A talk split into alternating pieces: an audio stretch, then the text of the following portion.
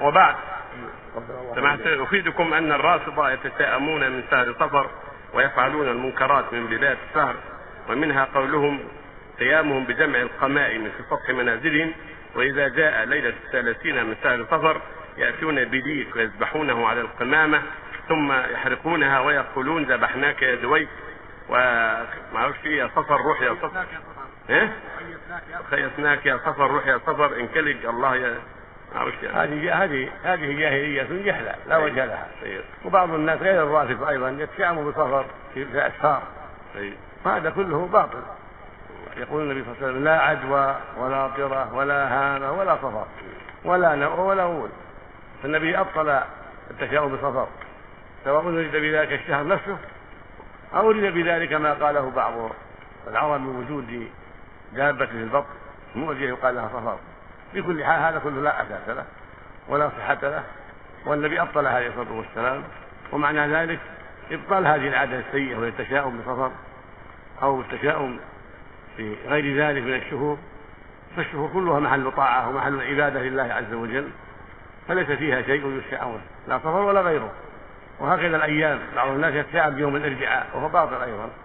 فليس هناك يوم يتشاءم به لا يوم الاربعاء ولا غيره.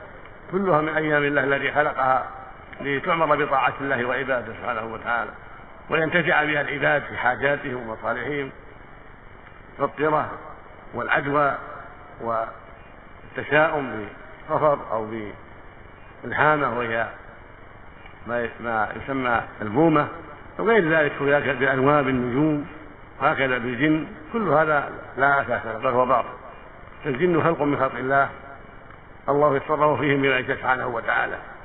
فليس له قدرة في أنفسهم إلا بما أقدرهم الله عليه.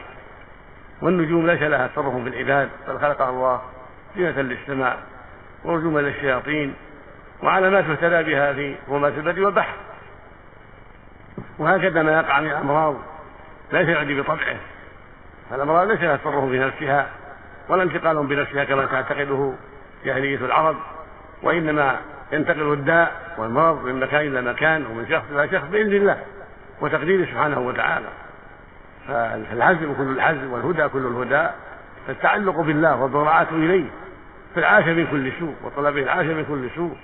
مع تعاطي الأسباب الشرعية وتعاطي الأسباب المباحة التي شرعها الله لعباده في علاج الأمراض. نعم. شوية يسمعون يسمعون نخرب الميكروفون شوية بس.